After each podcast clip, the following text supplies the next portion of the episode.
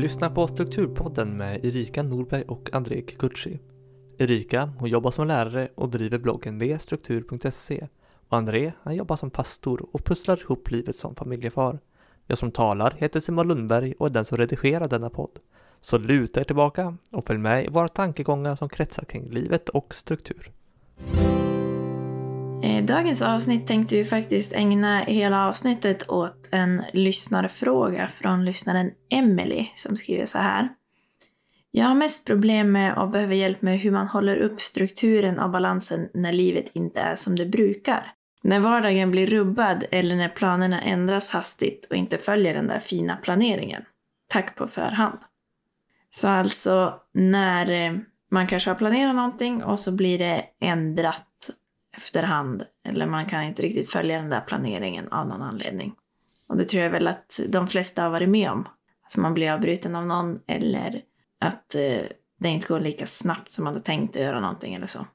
Så tack Emelie att du skickade in den här frågan och du satte ord på säkert mångas tankar precis som Erika sa. Och efter jag hade läst det här eh, mejlet häromveckan så eh, läste jag också ett citat. Det var faktiskt samma dag jag fick på ett mejl, eh, eller som avsluta ett mejl. Och då tänkte jag, men det passar ju ihop med Emelies ämne. Och det är en som heter JP.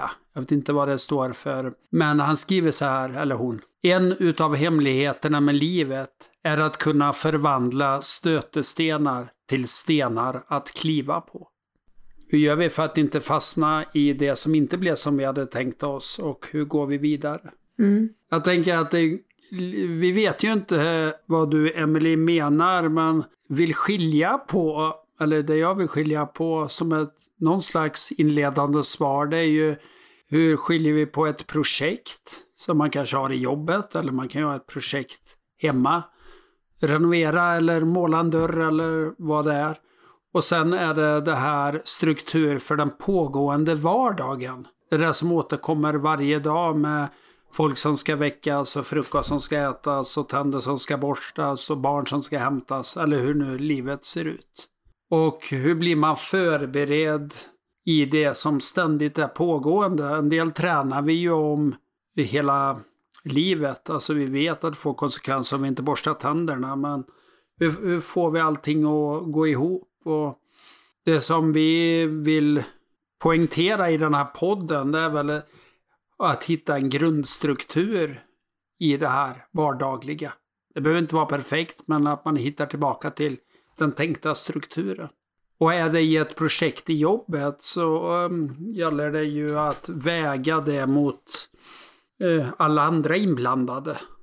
Alltså det blev inte, vi fick inte igenom det här vi hade tänkt men hur går vi vidare nu? Det är inte så stor chans att projektet läggs ner bara för att det inte blev som man hade tänkt på jobbet. Utan det tar en annan väg och hur arbetar man på den vägen? Så det, de kanske sitter ihop. Det kanske inte är så stor skillnad egentligen. Nej, sen kan det ju vara olika hur, hur långtgående konsekvenser det blir. Att om det är ett kort projekt, ja men då behöver man kanske inte leva med, med den rubbningen så länge. Men är det något i, i vardagen som plötsligt eh, rubbas eh, på lite längre tid och kanske det är jobbigare att hantera. Och sen finns det ju eh, olika storlekar på de här rubbningarna. Att det kan ju vara en liten grej som att jag trodde att det skulle vara soligt så att vi skulle kunna vara ute och göra det här men det blev regn. Eller så kan det vara något jättestort som att familjen splittras och flyttar isär eller, mm. eller någonting däremellan. Och det kan ju vara lite olika hur man förbereder sig på på de grejerna och hur man hanterar de grejerna. Men vissa grundprinciper kanske går att återvinna. Mm. Och det första, där har man ju erfarenhet väldigt tydligt. Man har alla varit med om, vi hade tänkt fint väder men det blev regn. Vi har lätt att anpassa oss. Besvikelsen kanske är stor för stunden. Men sen ändrar vi det. Men när en familj plötsligt splittras så kanske vi inte har redskap för det. Och det vore kanske konstigt om vi hade hur mycket redskap som helst. Att vi går runt och tänker på det hela tiden och bygger upp en strategi. Vad händer om min familj splittras? Det, det låter inte heller sunt, men vi, vi måste ändå ha med rubbningar i vårt tankesätt. Så att vi inte blir helt förvånade eller så att vi grottar ner oss och inte kommer vidare. Det är väl det viktigaste. Mm. Och sen kan man ju nämna coronatiden som vi fortfarande är inne i. Och det trodde vi kanske inte för ett år sedan. Att hur den har rubbat, att man jobbar hemifrån, man kan inte träffa folk som man brukar, man kan inte resa omkring som man brukar. Och det har ju ändrat mycket. Och hemma i familjer så kanske att ja, men barn är hemma från skola och förskola oftare för att de ska vara hemma med minsta symptom. Samtidigt som de vuxna kanske jobbar hemma så att man blir mer störd i sitt arbete också. Mm. Och sen kan det ju vara sådana här vardags vardagssituationer. Det behöver inte handla om corona. Det kanske är mindre under corona. Men det här att någon dyker upp plötsligt på ett spontanbesök och vill stanna en dag. Och själv hade man helt andra planer. Mm. Hur hanterar jag det mot mig själv och mot mitt projekt och mot mina vänner? Mm. Eller de som kommer. Ja, jag var med om det någon gång när jag pluggade på distans. Och då var det ju eh, nästan aldrig några fasta tider som jag behövde göra en viss sak för skolans skull. Utan ja, men det var något seminarium någon gång. Men det mesta var att man kunde se lite på sin egen tid. Men det hade jag gjort upp mitt eget schema när jag skulle göra vad. Och så kom det en, en sån där spontan besökare. Inte ens hela dagen, bara för en timme kanske. Men, men då var min spontana reaktion att det här rubbar hela min dag. Eh, även om det var ju jättetrevligt att den här personen ville hälsa på som, som jag inte hade träffat på länge. Men, men det, var, det var svårt för mig när jag hade en så tydlig plan på vad jag skulle göra. Så det har jag nog blivit bättre på sedan dess. Men det kan vara lite svårt. Ja, och det, man får ju ibland vara ärlig och säga ja men du, nu, nu får du gå. Mm. Och det kan ju vara väldigt svårt till någon. Eller ärlig mot sig själv att det jag planerat, det får jag göra en annan gång. Mm. Ja, vad är, vad är viktigare? Är eh, den här relationen viktigare eller kan jag, ta, kan jag skjuta på den? Eller är det här andra viktigare? Kan jag skjuta på det? Jag tänker lite, går det att förbereda sig? Är det det struktur handlar om? Ja, jag tänker att eh, till stor del är det väl det struktur handlar om, att förbereda sig så gott det går. Att göra någon slags grund att falla tillbaks på i alla fall. Något slags skyddsnät ibland, att de här rutinerna eh, finns att, att falla tillbaks på när annat är svårt. Eh, men samtidigt så kan ju också eh, sådana här oförberedda saker vara väldigt svåra att förbereda sig på. Eh, men vi tänkte väl ge några förslag på hur man kan förbereda sig så gott som möjligt på det oförutsedda. Mm. Så att det inte behöver bli riktigt lika jobbigt. Och vi har pratat om det tidigare, både mellan mig och Erika och sen också en del gäster som har tagit upp det här med att man har någon form av planering. Kanske kollar hur ser veckan ut? Eller månaden, men veckan som kommer. Häromdagen skulle vi bjuda vår, våra grannar på kaffe och vi kom på det väldigt spontant. 20 minuter innan vi hade tänkt att genomföra så frågade vi dem och då sa de ja men vi har inte möjlighet nu för vi planerar hur veckan ser ut. Och så tackade de nej till kaffet. Och det tänker jag att eh, för att det skulle fungera för dem så var den tiden så viktig. Mm. Att sitta ner och en, en kopp kaffe hos grannen just då. Och sen tar vi kaffet en annan gång. Och kanske lite mer inplanerat för deras skull då. Just. Mm. Så att det passar. Men att man gör en realistisk planering. Mm. Och det är ju lätt, är det första gången man står inför någon då kan det ju vara väldigt svårt att ha en realistisk planering. Men med lite erfarenhet, bara att man har gjort en sak en gång innan är ju mycket lättare. Mm. Och jag kommer ihåg första gången jag skulle ha en begravning. I mitt jobb så är begravning något normalt. Och, eh, men det finns det här första gången som är ganska utmanande. Och jag överplanerade den där begravningen. Jag gick in i varenda liten detalj. Och sen nästa gång jag skulle ha en ny begravning då, då visste jag allting. Att uh, den förra, det var inte en realistisk planering. Det var, det var mycket mer, det var allt. Och då kunde jag liksom luta mig tillbaka. Hur var första gången? Och hur vill jag ha det nu? Vad är det jag måste planera? Och vad är det jag kan lägga åt sidan? Ja, man lär ju känna både sig själv och eh, uppgiften om det är något man gör flera gånger. Hur lång tid behöver jag för att, för att utföra det här? Och Mm. Och hur, hur många avbrott kan jag vänta med under en dag och sådär. Så man får väl eh, vara lite beredd på att göra om planeringen, speciellt de första gångerna man gör en planering. Mm. Och så kanske något tar mer tid och något tar mindre tid än vad man hade tänkt. Och jag fick eh, då, i mitt fall om begravning, det är ju väldigt speciellt, men fick jag ju tänka redan gång nummer två, men hur skulle jag vilja ha det? Mm. Alltså är detta hållbart sätt att jobba på? Eh, om jag ska ha en begravning om tre veckor, kan jag lägga så mycket tid på ett enskilt projekt?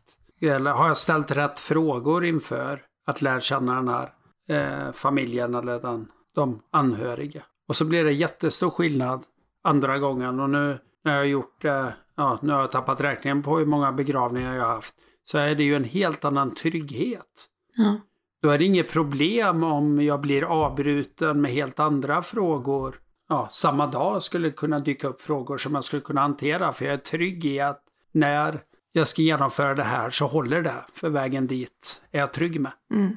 Men man kan ju också ställa frågan eh, i mer vardagliga nivåer att hur skulle vi vilja, vi vilja ha det i familjen? Ja. Hur tar vi oss dit på kort sikt och på lång sikt? Man kan sätta upp gemensamma åtagande i familjen.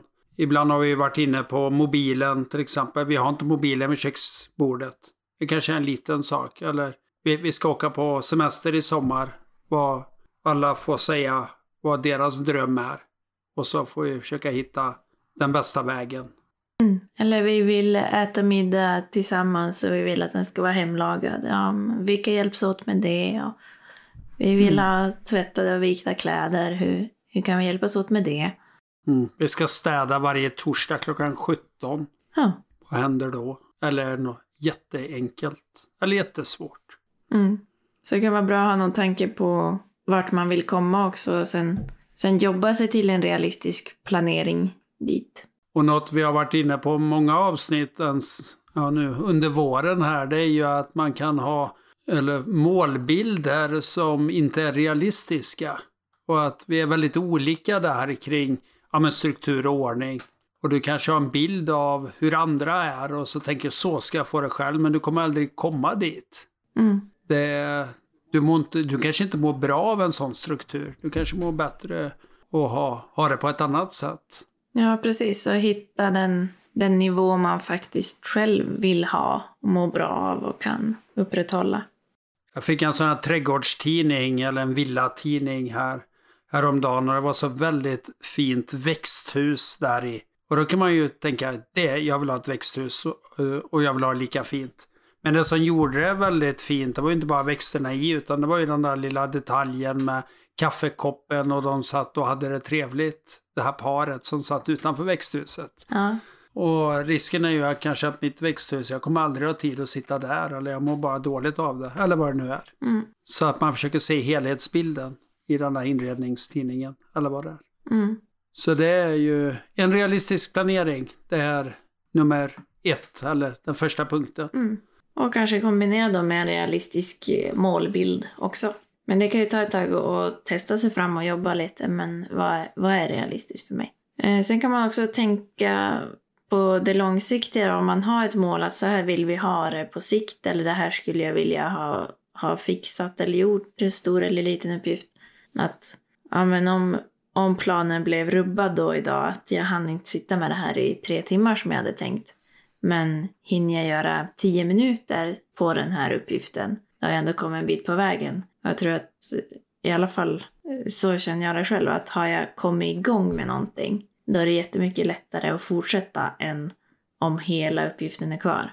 Jag brukar när jag har en stor hög med, med uppsatser och rätta eller någonting, att okej, kom igång med första så snart som möjligt, för då, då är det där värsta över. Om den där högen får ligga där, då, då bygger jag upp det till något värre. Men när jag är igång, då, då är jag igång. Så att de där tio minuterna du ändå kan göra kanske ändå ger mycket. Även om det inte är hela uppgiften som du trodde att du skulle hinna idag.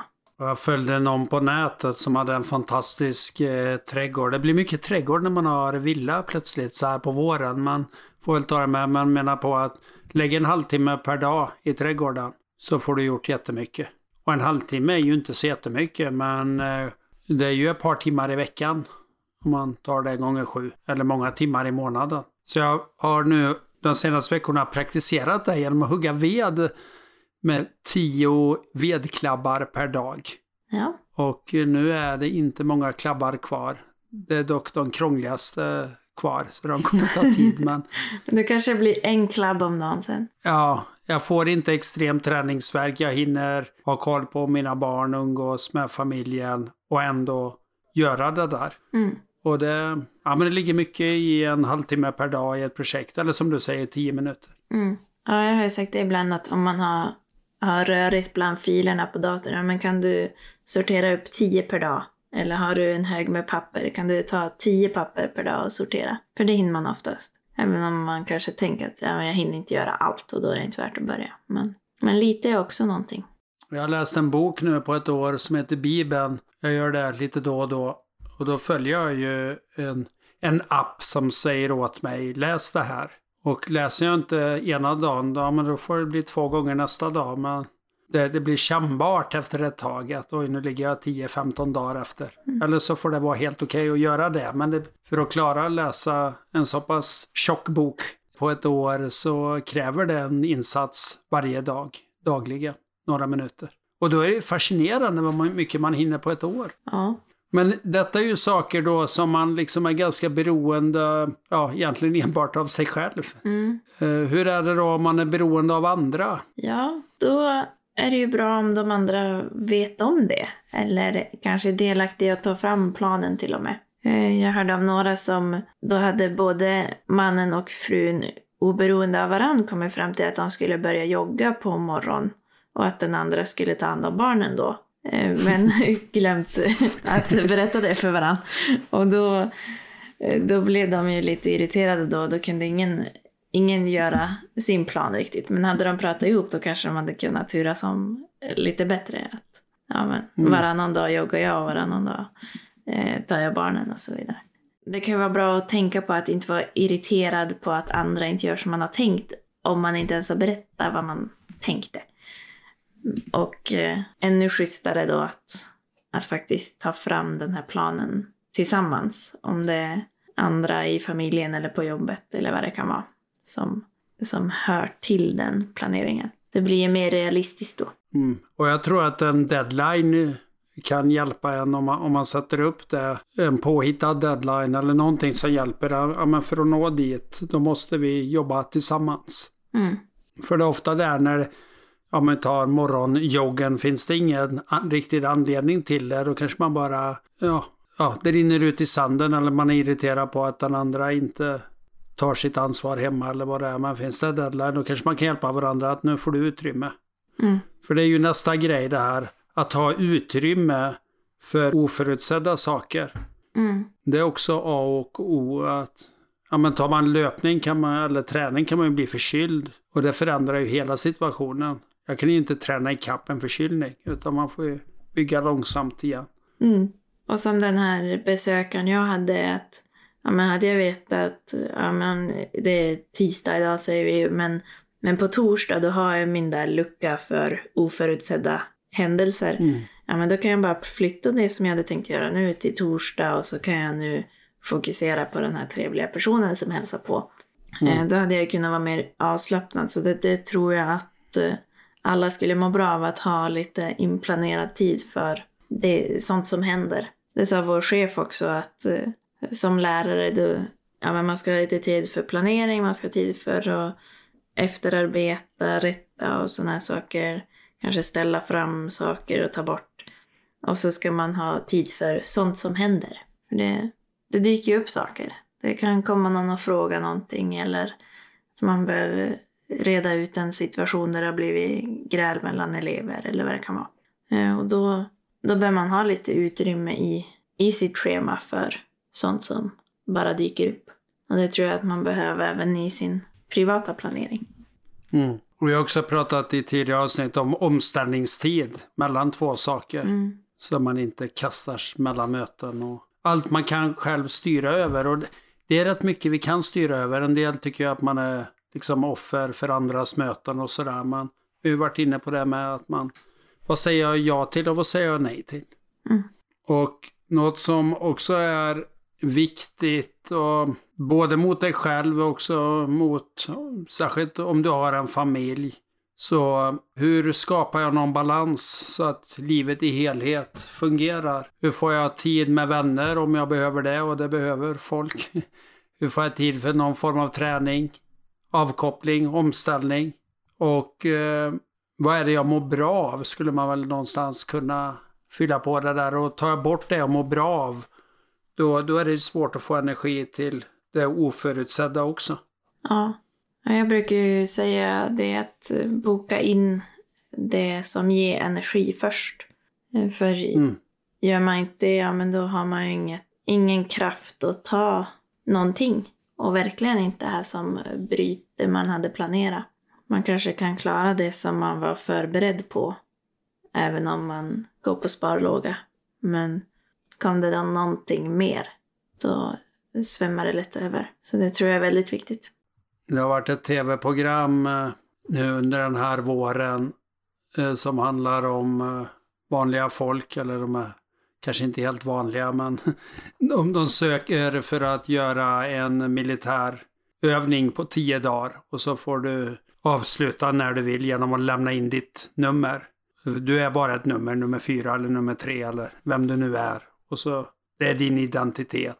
Och så kör du på det och man kan tycka vad man vill om deras bestraffningar och hur, hur det förs. Men eh, det, det summan i det programmet som de återkommer till, de här instruktörerna, det är att för att bli duktig i det militära så måste du hela tiden vara beredd att ställa om utifrån de förutsättningar som ges.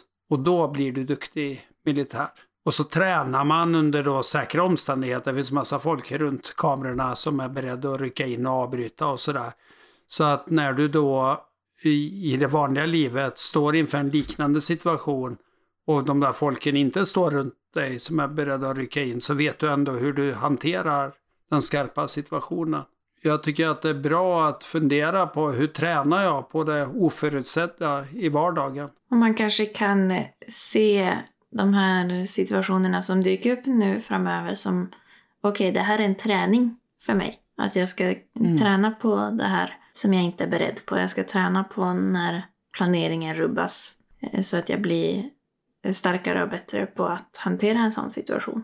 En vanlig övning de har i de här programmen det är att de ska springa en viss sträcka men de vet inte själva hur lång den är. Oh. Och det är oerhört svårt för psyket förutom du bär tungt en väska på 25 kilo men just att inte veta och när jag då kommer fram vid är det slut nu eller inte? Ja.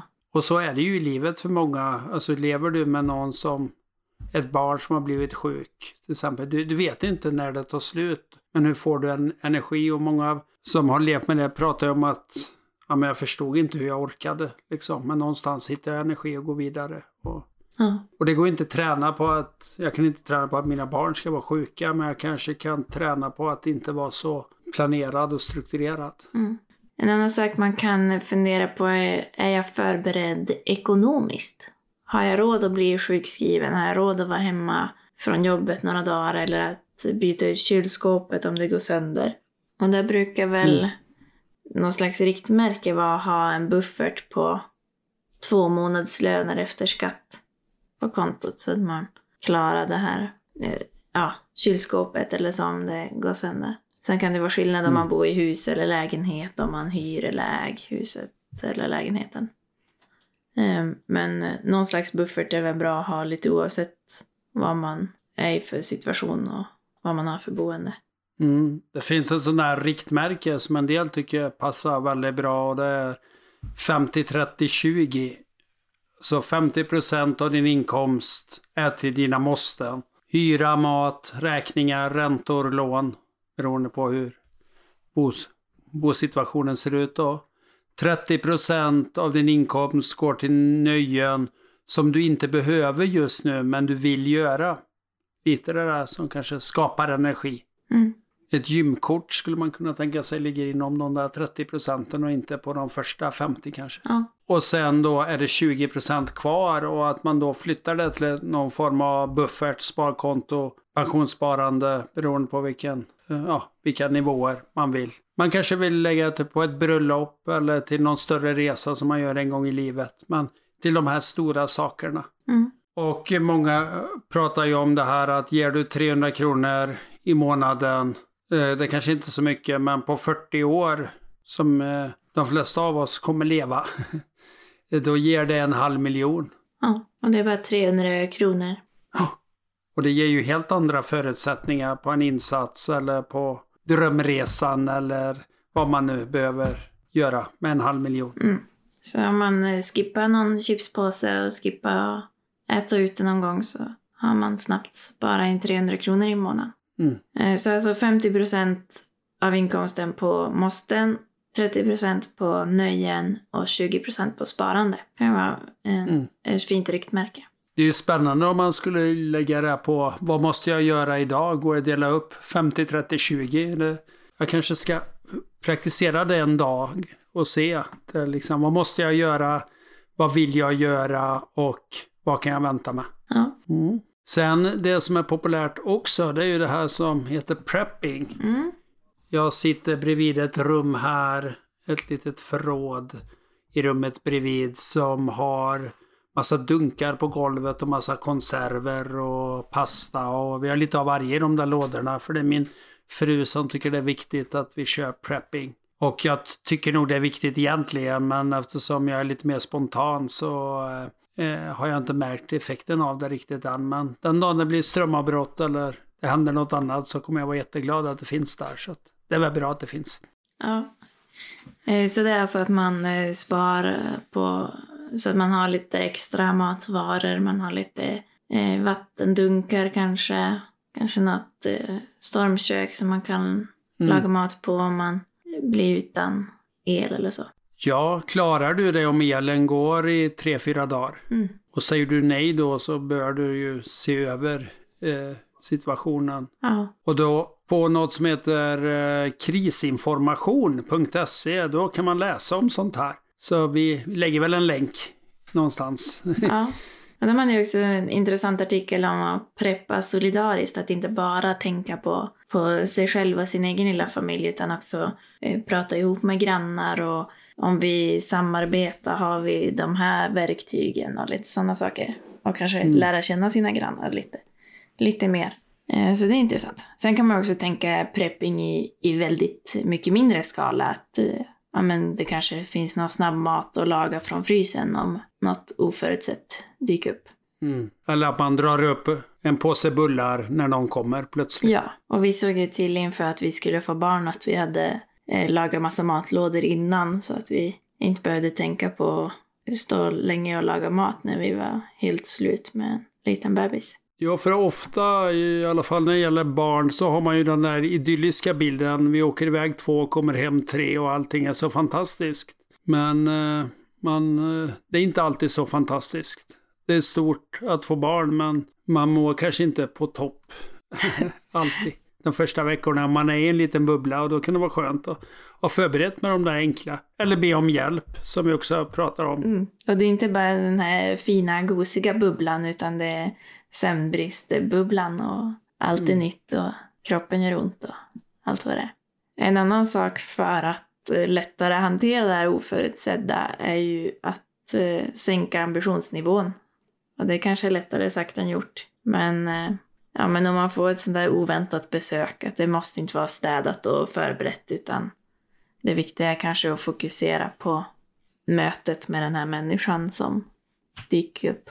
Och i Bibeln finns det en berättelse om två systrar som heter Maria och Marta. Och så får de besök av, av Jesus som eh, sitter ner och undervisar dem. Och då är de här två personligheterna Maria som gör allt för att det ska vara... Nej, Marta är den som gör allt för att det ska vara så perfekt. Och hon oroar sig över Maria som sitter ner och lyssnar på Jesus. Jag är lite irriterad på Maria som inte Ja. hjälper till. Precis. Och allting hon har att ordna med. Och, och jag tror att vi känner igen oss mycket i, i en sån berättelse att eh, det finns olika personligheter. Och när det är inte så att den ena är bättre än den andra utan det är kanske olika förutsättningar som ges. Att ibland behöver vi vara en Marta och ibland behöver vi vara en Maria men att man kanske ser skillnaden.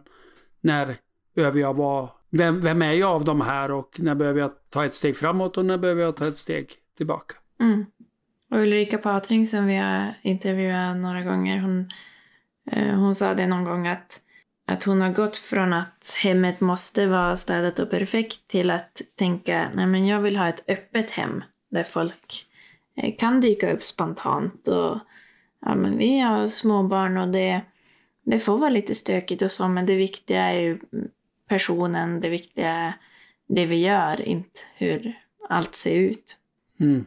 Eh, Så det går att ändra sitt tankesätt där lite också, även om det kan vara svårt.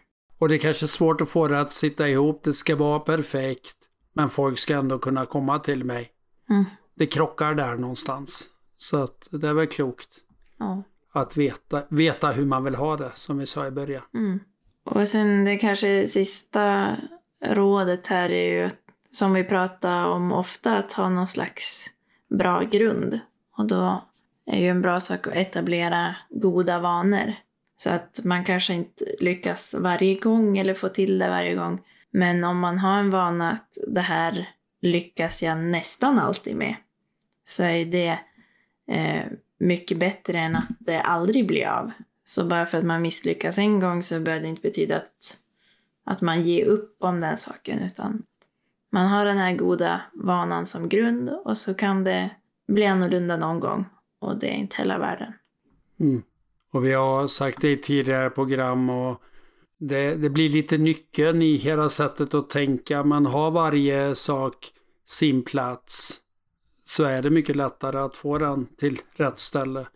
Och ehm, det här också att man ska göra klart den station man är vid.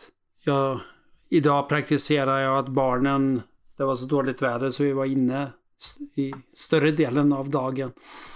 Och då skulle vi pyssla och vi skulle pärla och vi skulle bygga lego. Det är ju risk att, eller barnen hoppar ju mellan stationerna. Nu vill jag göra det. Men då sa jag, men för att pärla då måste vi ta bort pysslet. Och så fick de hjälpa till att ta bort pysslet. Mm. Förutom det vi skulle visa upp då för mamma när hon kom hem och annat. Men att man försöker göra klart stationen och då blir det inte det här bombnedslaget. Nej. För det är ju när bombnedslaget och det känns som nu är det kaos. När det får ligga för länge då är det väldigt svårt att ta tag i det. Men kan man om inte annat i alla fall avsluta dagen med att gå ett varv och plocka upp sakerna. Så är det väl inte hela världen om de har legat där hela dagen. Men det, då, då kan man börja om med kaoset nästa dag. Ja. Det låter så jobbigt att ha barn inser jag. Men det är ju väldigt roligt också. Men det är väl det som Det är ganska mycket jobb också. Ja det är ju det. Speciellt i de åldrar vi har kanske. Mm. Det krävs eh, ganska mycket ansträngning från föräldrarna i, i början. Idag sa jag till min eh, dotter som är tre år att nu måste jag lägga mig några minuter och vila. Och så sa hon ja. Ja, Jag tror att det var två minuter så kom hon med någonting. Så det var jättebra att hon kom och sa till men jag hade hoppats på tio minuter men det blev två. Mm. Det är någonting. Så är det. Livet. Mm.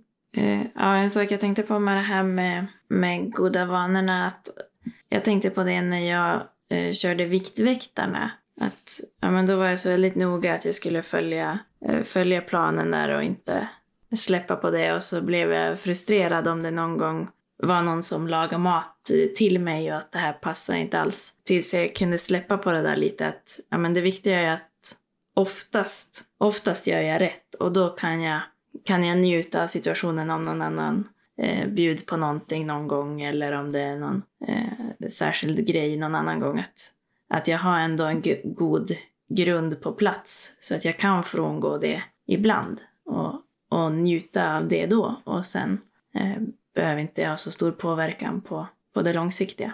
Mm. Och det, det är nog nyckeln. Tänk långsiktigt. Och, och då i viktväktare och liknande grejer så har man ju ganska tydligt mål. Mm. och anledning där varför man går in i det. Och kan du skapa det i vad du än har så tror jag det blir lättare om det är om ett år eller tio dagar eller tio år så har du det målet så är det inte hela världen om du faller längs vägen men du vet vägen. Mm. Ja du Emily, du sitter ju inte här så vi vet ju inte om vi svarar på din fråga. Men eh, din fråga kring hur man får hjälp och behåller strukturen och balansen när livet inte blir som det brukar. När vardagen blir rubbad och när planerna ändras hastigt. Så har vi ju gett några råd här i alla fall. Och så får du skriva igen eller någon annan skriva och säga det var inte alls det jag menar. Jag menar något helt annat. Så jag vet ett program om det. Mm. Men eh, det första vi sa är att ha en realistisk planering. Eh, och det andra vi sa det är ha ett långsiktigt eh, tankesätt. Eh, gör något, även om du inte hinner göra allt just då. Kanske tio minuter. Ta med andra om du lever i en familj eller eh, relationer till folk på olika sätt. Så ta med dem i ditt tankesätt. Kanske kan ni peppa varandra och om inte annat kan ni eh, liksom bära varandra. Och i en familj är det också att då är man ju så beroende av varandra för att det ska fungera. Men också att du har utrymme i planeringen för det oförutsedda. Att du skapar utrymme i din kalender eller hur du nu planerar veckan. Vad har vi sagt mer Erika? Ja, att man har någon slags grund så att man bygger upp energi och gör det här som man mår bra av. Tid med vänner, träning, avkoppling. Eh, det här som du tycker om att göra så att du får energi att möta det oförutsedda. Och sen också att man tränar sig och, och kunna ställa om. Tänk som de här militärerna som får träna på att eh, springa en sträcka men de vet inte hur lång sträcka det är. Att eh, se alla situationer du kan som, som träning i att eh, ställa om. Mm. Och så pratar vi också om ekonomi. Att eh, se till att du har en buffert där och, och börja spara det lilla du kan utifrån dina förutsättningar tills du, eh, tills du har en liten buffert så att du kan hantera eh, sånt som händer. Och det kan också vara eh, prepping.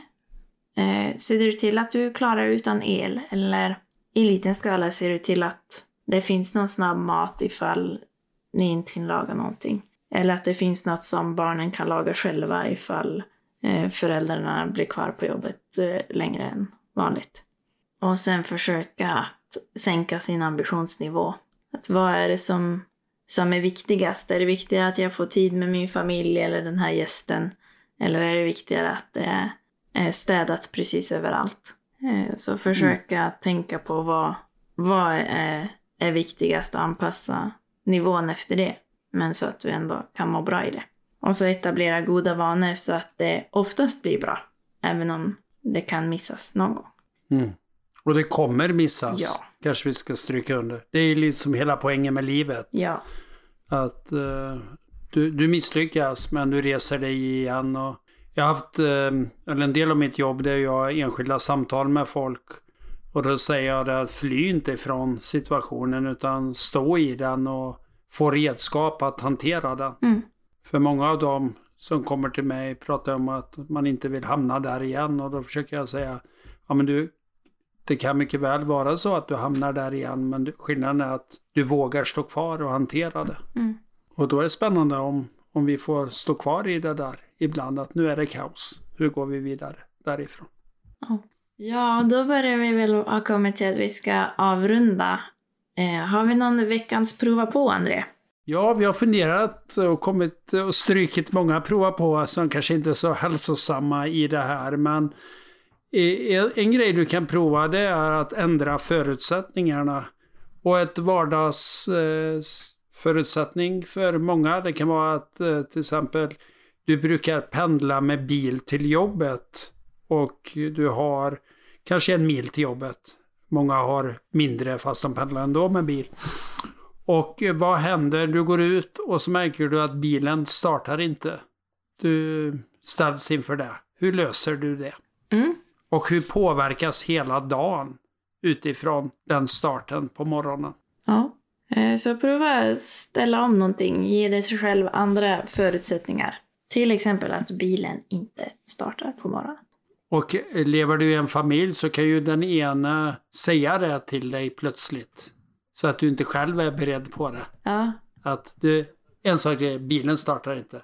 Åh, var det idag? Eller? Mm. Oj. Ni kan ju Ja. göra en liten burk med lappar på på små katastrofer för att träna er för eh, det oförutsedda. Internet är nedstängt tre timmar. Mm. Säg det till dina tonårsbarn. Ja. Det är bra. Mm. Träning. Ja, så stort tack till Emily som skickade in den där frågan och ni får gärna fortsätta skicka frågor till oss och det kan ni göra på hej strukturpodden.se eller eh, skriva i Facebookgruppen Strukturpodden eller använda kontaktformuläret på strukturpodden.se. Vi tycker det är jätteroligt när vi får in frågor eller kommentarer. Mm. Och eh, vi tackar också Simon som eh, klipper det här programmet. Och eh, allt gott till er där ute och, och hör av er. Det uppskattar vi. Hej då! Hej då!